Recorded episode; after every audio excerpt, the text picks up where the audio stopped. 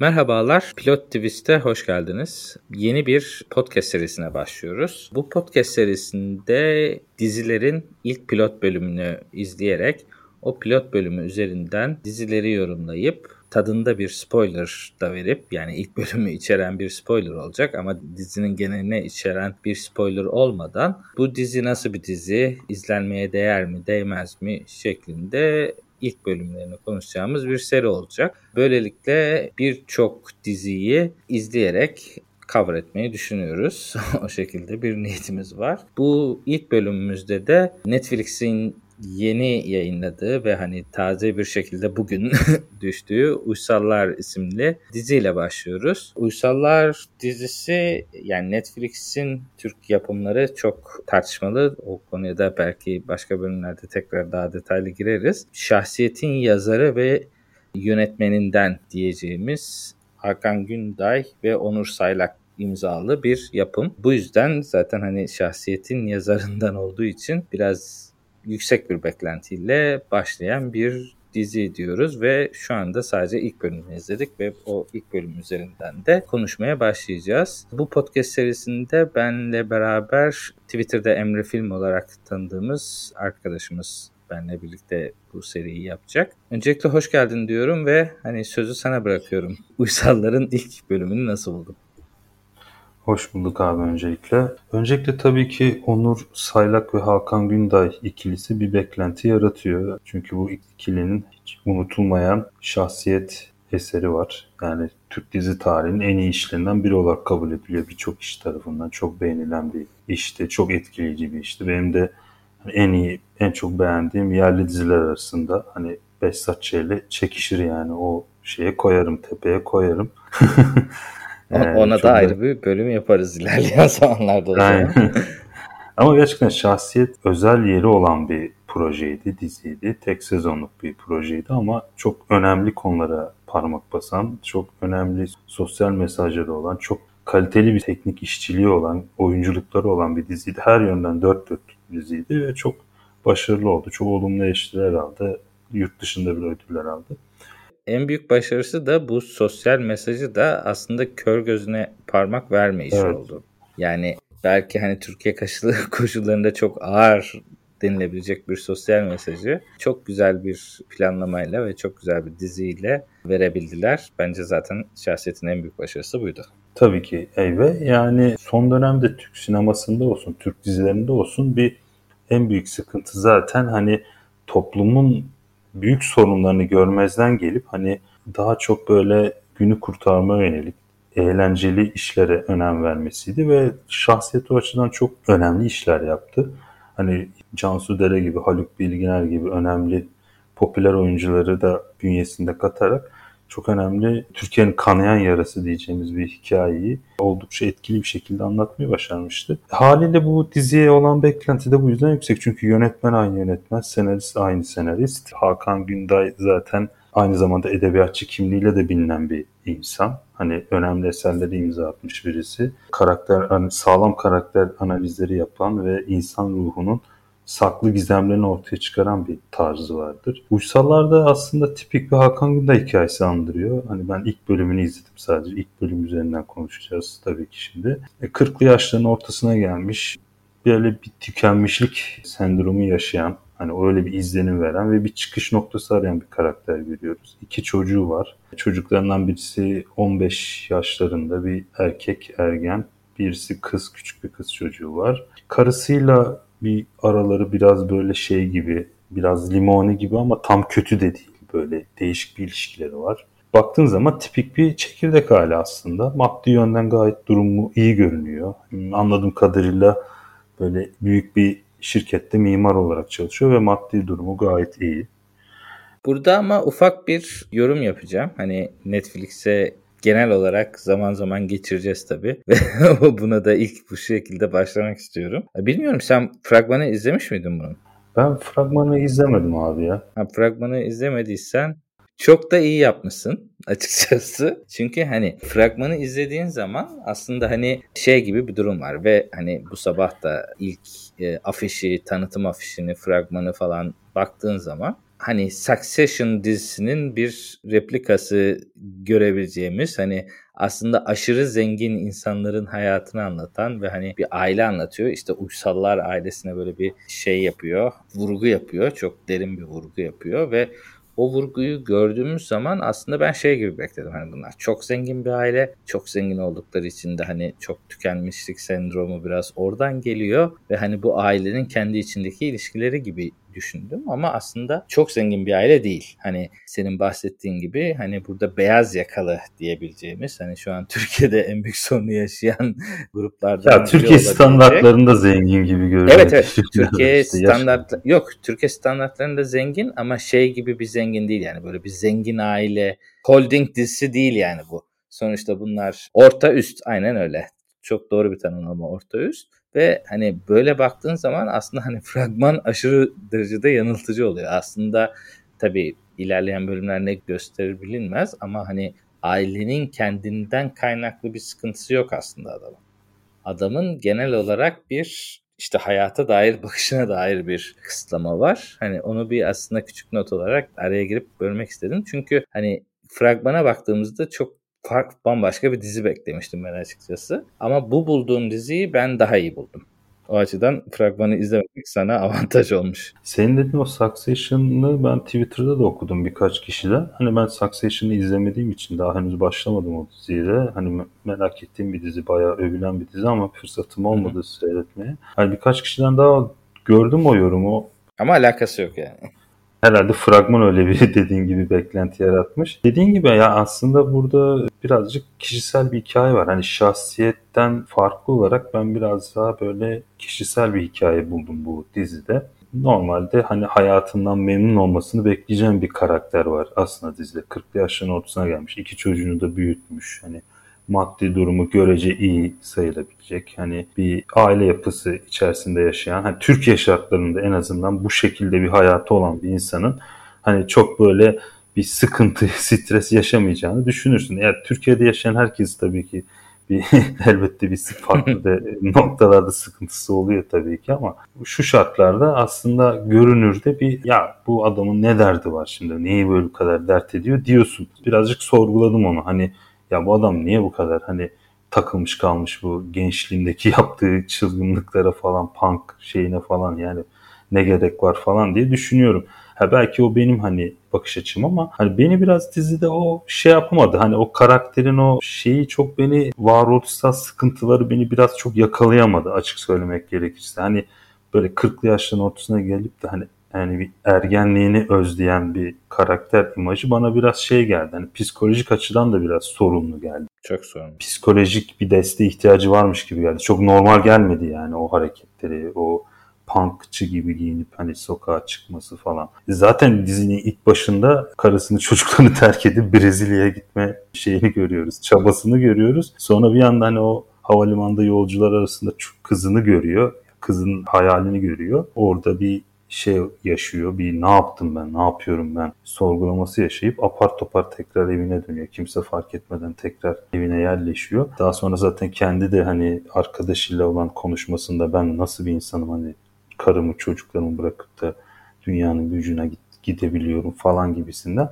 Ya böyle bir gelgitleri olan bir karakter ama ben tam olarak neden bu kadar ağır bir arayışta olduğunu anlayamadım henüz. Hani nedir tam olarak sıkıntısı? Ya hepimiz gençliğimizi özlüyoruz bir noktada. Hani sen de hani 40'lı yaşlardasın. Ben de 30 yaşların sonundayım.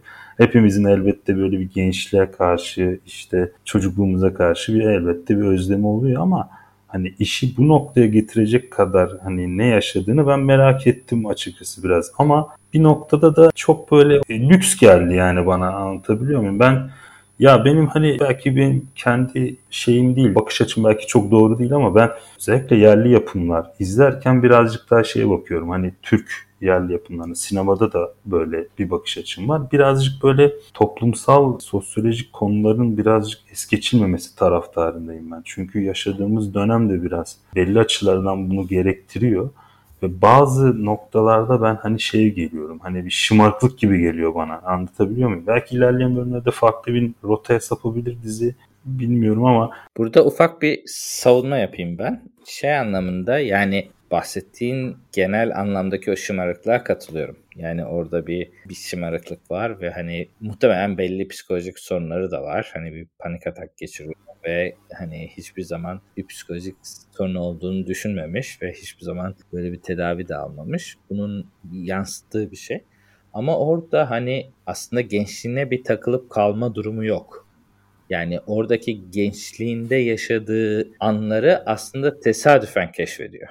Yani tesadüfen hani Rio'ya gitmek yerine babasına gittiği zaman odasına girdiğinde o flütü açtığında aslında hani o gençliğine gitmesi ve hani o gençliğindeki pub'a gitmesi ve eski arkadaşıyla karşılaşması gibi şeyler aslında planlı değil. Yani bir şekilde sürekli bir geçmişine özlem duyan bir adam değil aslında. 10 senedir aramamış yani arkadaşını. Hiçbir şekilde öyle bir özlem duymamış. Ama o boşluk anında o denk geldiği için muhtemelen bir anda kendini öyle hani ben panka vereyim ve hani kendimi salayım diyor. Ama hani bunu yaparken de sürekli de bir frene basıyor.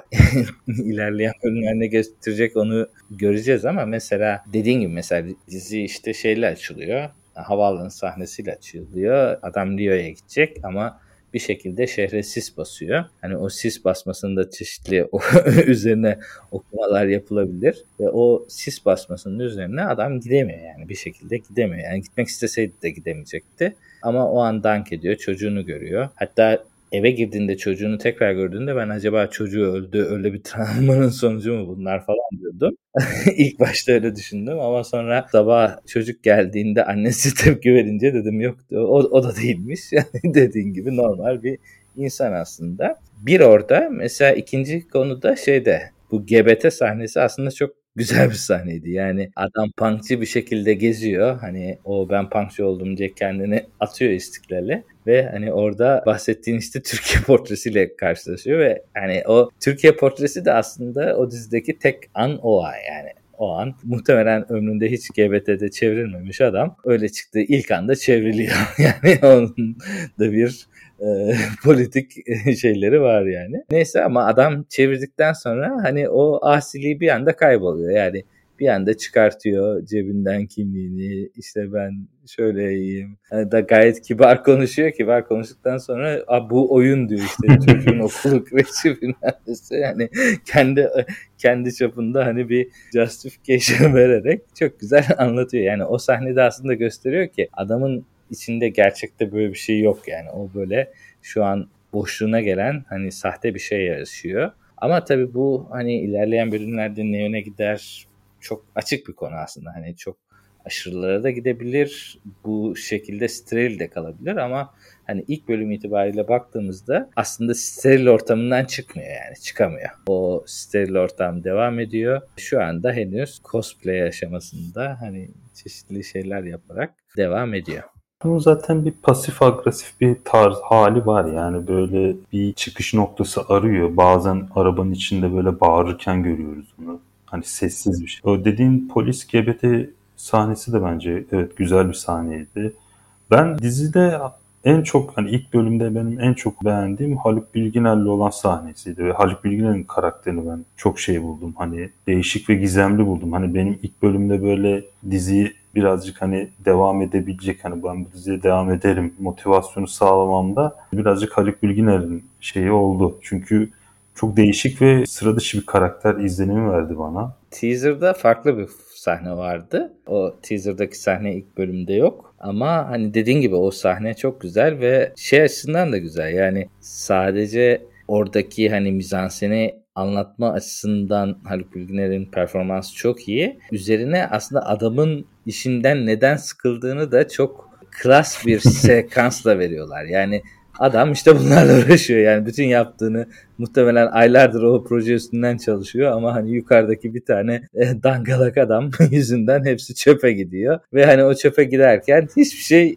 absürt aynen öyle. Ama hani bu hayatta yaşadığımız şeyler yani benim de birçok yazdığım paper hani bir şekilde çöpe gitti yani. O, hayatta yaşanılan bilinen bir şey. Ve hani burada aslında adamın iş hayatının ne kadar kötü olduğunu da çok iyi bir sahneyle anlatılmış ve Haluk Bilginer'in çok, çok performansı iyi. Yani orada bir hani o cezaevi maket üzerinde böyle bir, bir konuşma şeyi yaptıkları sahne benim bayağı hoşuma gitti ve bir, böyle bir değişik bir iki karakter arasında orada böyle bir sessiz bir gerilim de gördük. Yani böyle Haluk Bilginer'in oradaki yaklaşımı hani böyle ben bayağı beğendim, beğendim o sahneyi. Bu arada o sahnede bu yani dizinin genel olarak da aynı şey var. Mesela şahsiyetteki gibi hani çok büyük mekanlarda hani daha geniş açılarla çekilmiş ve oyuncular hani mekanın bir tarafında küçük bir şekilde tutup arkadaki fona çok özenilen sahneler vardı şahsiyette. Bu dizide de aynı şeyler mevcut ve hani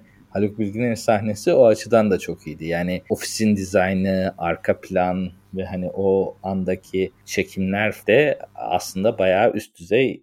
Zaten Netflix'in yerli dizilerindeki bir şey var. Görsel bir standart var. Hani şu ana kadar yaptıkları 2016'da Türkiye piyasasına girdiklerinden beri epey bir fazla sayıda içerik ürettiler. Hemen hemen hepsi böyle benzer bir görsel standartı karşılıyor. Şeyle başladılar, Hakan Muhafız'la başladılar. Sonra Atiye, işte Aşk 101, şimdi işte hı hı. bu Uysallar, Perapalas. Hani baktığın zaman sanki böyle hep aynı görüntü yönetmeni tarafından yapılmış işler izlenimi veriyor böyle.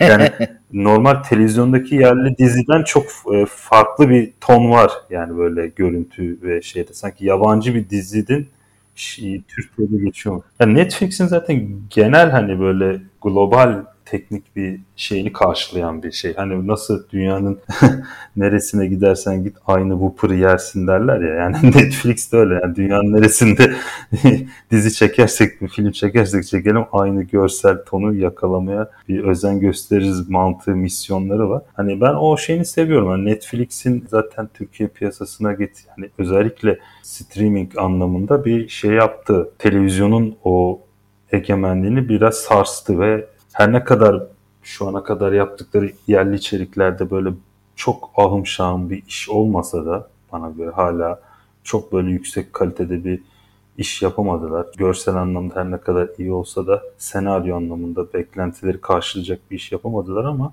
işte dizilerin süresi olsun, dediğim o teknik kıstaslar olsun bir standart getirdiği ortada. Ben o açıdan umarım böyle devam eder böyle projeler. Bu dizinin de işte dediğin gibi o şeyini beğendim. O oyunculuklar olsun, o mekan kullanımı olsun, görüntü yönetimi olsun.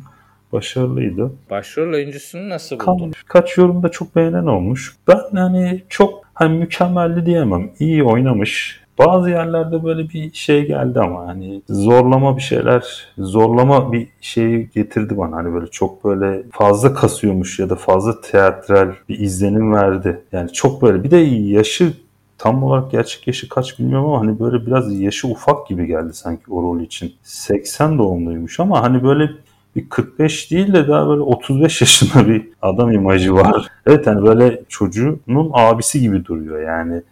Hani erkek çocuğu böyle çok büyük gösteriyor bana göre. Bu onun sanki bir babası değil de abisi gibi duruyor yani. Hani bilmiyorum biraz daha bu rol için belki bir tık daha yaşlı bir oyuncu seçilebilirdi diye düşünüyorum. Hani onun dışında karısının önünde Songül Öden iyiydi bence. Uğur Yücel iyiydi. Uğur Yücel usta bir oyuncu zaten. Haluk Bilgin'i zaten az önce bahsettik çok beğendim. Yani bakalım ilerleyen bölümlerde belki daha iyi bir şey verir bana, izlenim verir. Belki rolün, senaryonun gerektiği ölçüde belki bana çok şey gel gelmedi ama ben çok yorumlardaki kadar hayran kalmadım kendisine. Çok kendisine çok hayran kalanlar olmuş birkaç Twitter'da falan okuduğum kadarıyla ama ben öyle çok hayran olunacak kadar bence iyi oynamamış. Burada aslında diğer bir Türk dizisine aslında gönderme yapmak istiyorum ve hani kısmen de o gönderme yapılmış. Hani Öner Erkan'ın Çukur'da aslında benzeri bir rolü var. Çok benzeri bir şekilde hani Evet o orada hafif spoiler hani o çukurda bir mahalle ve hani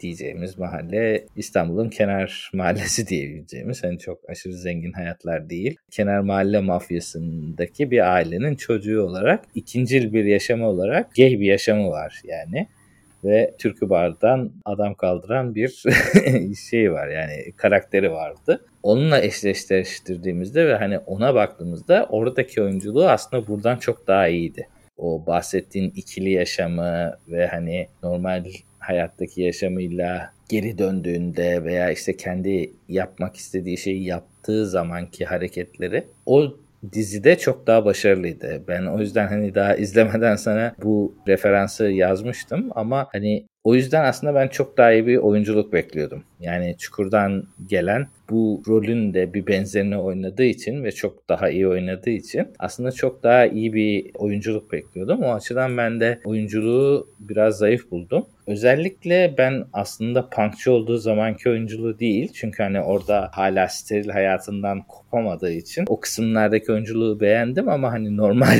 günlük yaşamdaki hareketlerini çok açıkçası tutmadım zaten. Dediğim gibi hani orada bir şey yapamadım yani böyle bir hani 45 yaşındayım diyor ama böyle 45 yaşında değil de hani fiziksel görüntü böyle 35 gibi yani böyle o yüzden ben çok böyle inandırıcı gelmedi. Ve ben Öner Erkan'ı hani organize işler filmlerinde falan beğenmiştim. Hani orada daha böyle daha da genç. Evet, daha da yani genç. O role o tarz hani tıfıl rollere böyle daha giden bir karakter bana göre. Burada da yani kötü diyemem. Kötü dersem haksızlık olur. Ben ortalama buldum ilk bölüm itibariyle. Belki ilerleyen bölümlerde daha farklı bir şeyler sunabilir. Bakalım bekleyeceğiz yani. Burada yine hani Netflix eleştirisi olarak son bir şey söylemek istiyorum. Filmin, dizinin adı Uysallar. Yani Türkçe adı. İngilizce adı Wild Abandon hani çevirdiğin zaman aslında birebir zıttı bir İngilizce çevrilme var. Yani şeyde gördüğümüz şeyde gördüğümüz hani çok alakasız bir şekilde film isimlerini Türkçe'ye çevirirsin. Hani öyle birçok bir komik örneği vardır. Hani biraz ona gibi olmuş. Hani bilmiyorum hani neden böyle bir tercih yapıldı. Aslında İngilizce ismi çok iyi yani Wild Abandon dediği zaman hani vahşi terk edilmiş gibi bir anlamı oluyor yani. Vahşi hayata bırakılmış hani orada terk edilmiş bir karakter aslında çok güzel bir isim. Yabancı pazara da uysallar diye soksan olmaz mıydı yani? Bilmiyorum ama hadi. Evet yani uysallar diye yani adamın soyadı uysal yani direkt uysal diye sok veya mantığı güzel aslında hani adamın soyadıyla o vahşi alana bırakılma hissi hani o iki zıtlık aslında güzel ama hani bu zıtlığı dizinin adında yapınca ve hani Türkçe ismiyle İngilizce ismi bu kadar davan davana zıt olunca orası bana biraz ilginç geldi. Hani bir pazarlama triği vardır. Atiye'yi de mesela Gift olarak, The Gift olarak mı koymuş? The Gift değil mi? Öyle Gift. Şey, hediye. Neyse. Öyle bir pazarlama mantığı var. Sen şey nasıl buldun dizide? Bir kara mizah bulabildin mi? Hani ben sanki bu hikaye bir güzel kara mizah yakışırmış diye düşünüyorum. Hani ilk bölüm itibariyle ben hani böyle bir kara mizah uygun bir hikaye var ama böyle çok sanki o Haluk Bilginer'in bir tarzı kara mizah çok yakın. O karakterden bir şeyler çıkabilir kara mizah babında. Sen nasıl buldun bu açıdan? İşte Karamiz'e Haluk Bilginer'in sahnesinde azıcık vardı biraz. Ama hani onun dışında evet yani ben dediğin gibi hem bunu diziye yakışırdı hem de bunun verilebileceği karakterler mevcut. Kara mizah olarak kadının yüzündeki o bandajlar falan kullanılmış maske. Ama tabii insanların görüntüleriyle dalga geçmemeliyiz. o yüzden hani çok da, da şey yapmayalım. Ama bahsettiğin yorum çok doğru. Yani kara mizaha açık bir konu ve bu fırsatı henüz kullanmış değil ilk bölüm itibariyle. Uğur Yücel'in karakteri terk edilmiş, karısını kaybetmiş. Muhtemelen uzun yıllar karısıyla yaşamış Aynen. bir adam. Hani 5 ay önce ölmüş ve hani Ankara'da yapayalnız kalmış. Hani belli bir dram var içinde ama hani oradaki karakteri biraz daha soft ve bu duruma uygun bir karakter yapılabilirdi. Yani her şey çok güzel olacaktaki Selim Naşit karakteri tarzında bir huysuz ihtiyar çok güzel giderdi ve Uğur Yücel'in o huysuzluğu zaten huysuz ihtiyar yapmışlar ama hani komando gibi bir huysuz ihtiyar yapmışlar. Yani o öyle bir huysuz ihtiyar yerine tam bir gerçekten hani orada bir potansiyel var o kara mizah konusunda ama tabii hani ilerleyen bölümlerde daha çok göreceğiz. Dediğim gibi hani o şey çok müsait bir hikaye var ve umarım bunu ıskalamamışlardır diye düşünüyorum. Ya çünkü dizi bu ilk bölümdeki o neydi karakter ismi? Oktay'dı galiba. Oktay evet. Ha, yani dizi yüzde böyle Oktay ağırlıklı giderse bence çok böyle bir şey bir dizi olmaz. Ama zaten hani büyük isim koydukları için muhtemelen daha çok girecekler yani öyle şu an kaldığı gibi kalacağını düşünmüyorum açıkçası. Ben de ben de düşünmüyorum. Umarım hani beklentimi o şey yapar yani. O çünkü onların bence diziye katacağı daha çok şey var Oktay nazaran. O zaman aslında o soruyu sormama gerek yok. Yani hani soru aslında şu. Bu dizi izlenir mi? Devamını getirecek miyiz? izlenmeye değer bir dizi mi diye soracağım. İkimiz de herhalde dört gözle bekliyoruz geri kalanında ne olacak acaba diye. Yani izlenir. Tabii ya bir merak oluşturdu. Hani bir de şey de var. Hani ilk bölüm şey de diyemiyorsun ya bu hikaye nereye gider? Bir tahmin de edemiyorsun. Hani şöyle biter, şöyle devam ettir, ne çıkacak? Haluk Bilgiler'den ne çıkacak, babasından ne çıkacak? Bu Oktay'ın bu hallerinin kaynağı nedir? Bunları bir merak ettiriyor. Çok tahmin edilecek bir dizidir. Bazı bölümleri ilk bölümden tahmin ediyorsun. Ya dizi bu şekilde sezon finali yapar böyle gider diyorsun. Ama hani bu dizinin ben ilk bölümünde tam olarak hani dediğim gibi en başta dediğim gibi bazı sevmediğim hani böyle sıkıldığım çok anlam veremediğim noktalar olsa da kaba hatlarıyla fena bulmadığım bir iş oldu ve devam edebilecek, devam edilecek bir dizi. Bitirilecek bir dizi daha doğrusu. Bence şans verilir. Ama dediğim gibi Onur Saylak ve Hakan Günday ikilisi için şahsiyet sonrası bir geri adım bana göre ilk bölüm itibariyle. Ben öyle gördüm. Hani gerçekten çok ilerleyen bölümlerde çok bizi şaşırtabilecek ya da hikayeyi farklı rotaya yani o tabii ilk bölüm olması ve bir Netflix işi olmasıyla alakalı olabilir. Onun kalanını göreceğiz. Yok ama mesela şahsiyet de baktığımızda aslında vites yükselten bir diziydi. İlk muhtemelen hani onu da dediğim gibi ileride konuşuruz muhtemelen. İlk bölümünü izlediğiniz zaman hani ilk bölümden evet. aslında elini çok açık etmemiş bir diziydi ve hani karakterleri kısmen tanıtmış ama hep vites arttırarak gitmiş bir diziydi. Yani ben o dönemi hatırlıyorum izlediğim zamanı böyle hani ilk bölümleri normal izlerken sonlara doğru hem tempo hem de konunun ilerleyişi çok hızlanmıştı ve normalde bu tip dizilerde hep bir iniş çıkış yaşarsın. Şahsiyet böyle hep yukarıya doğru gitmişti. Hani o açıdan ben biraz ümitliyim. Yani sana göre ben de biraz daha yavaş buldum, daha kötü buldum ama o örnekte de olduğu gibi yükseğe gidecek bir potansiyel var. Yani konu çok dediğin gibi değişik yönlere gitmeye açık ve yani ilk bölümden de aslında çok bir şey açık etmediler. Yani fragmanda daha çok şey anlatmışlardı gibi. Hani öyle baktığın zaman fragmanda da yanlış anlatmışlar. O da ayrı konu ama baktığın zaman öyle hani çok bir konu açısından da bir açık vermedi. Zevkle Bekliyoruz bakalım. Dizinin bir şeyi var, gizemi şeyi var. Ben sadece işte dediğim gibi böyle hikayeyi ya şahsiyette ilk bölüm dediğin gibi o da böyle hep vites yükselten bir diziydi ama hani o ilk bölümden böyle işte o yargı, polis ekseninde geçen bir Türkiye hikayesi anlattığı için o hikayenin ne, tam olarak böyle etkileyici bir şekilde ilerleyeceğini az çok kestirebiliyordun. Ha burada biraz daha böyle kişisel böyle bir aile etrafında gelişen bir aile çevresi. Yok o dokunduracaklarını sanmıyorum. Psikolojik eksende bir dizi devam edecek. Zaten hani kitlesi itibariyle de orta yaş krizine açık ve hani bu, bu tip bir şeyi tüketecek bir kitleye sahip. Hani o açıdan şahsiyet kadar sert şeylere dokundurabilecek bir dizi evet. olacağını düşünmüyorum. Yani ben vites yükseltecek derken yani şu andaki haline göre hani biraz daha dizi iyiye gidecek anlamda söyledim. Ama kesinlikle şey hani psikolojik eksenden çıkmayacak. Yani o daha büyük senaryolara gitmeyecek. Yani bu adamın iç sıkıntılarıyla devam edeceğiz bir süre. Ama hani bunu yaparken de dediğim gibi yani etrafındaki oyuncular Haluk Bilginer olsun, Uğur Yücel olsun çok potansiyel içeren oyuncular ve hani o açılardan dizi zenginleşecektir. Yani benim yorumum aslında bu yönde. Yani şey bir şahsiyeti yakalar potansiyeli ben de görmüyorum. Açıkçası Netflix'te o potansiyeli görmüyorum. Yani o yüzden hani bu bu iş çıkacaksa da hani Netflix'ten çıkmayacak yani. O e, o açıdan hani beklentim o, o yönde değil ama ilk bölüme göre dizinin yükseleceğini düşünüyorum. İlk bölümü burada kapatalım. Çok teşekkür ediyorum yorumların için. Görüşmek üzere.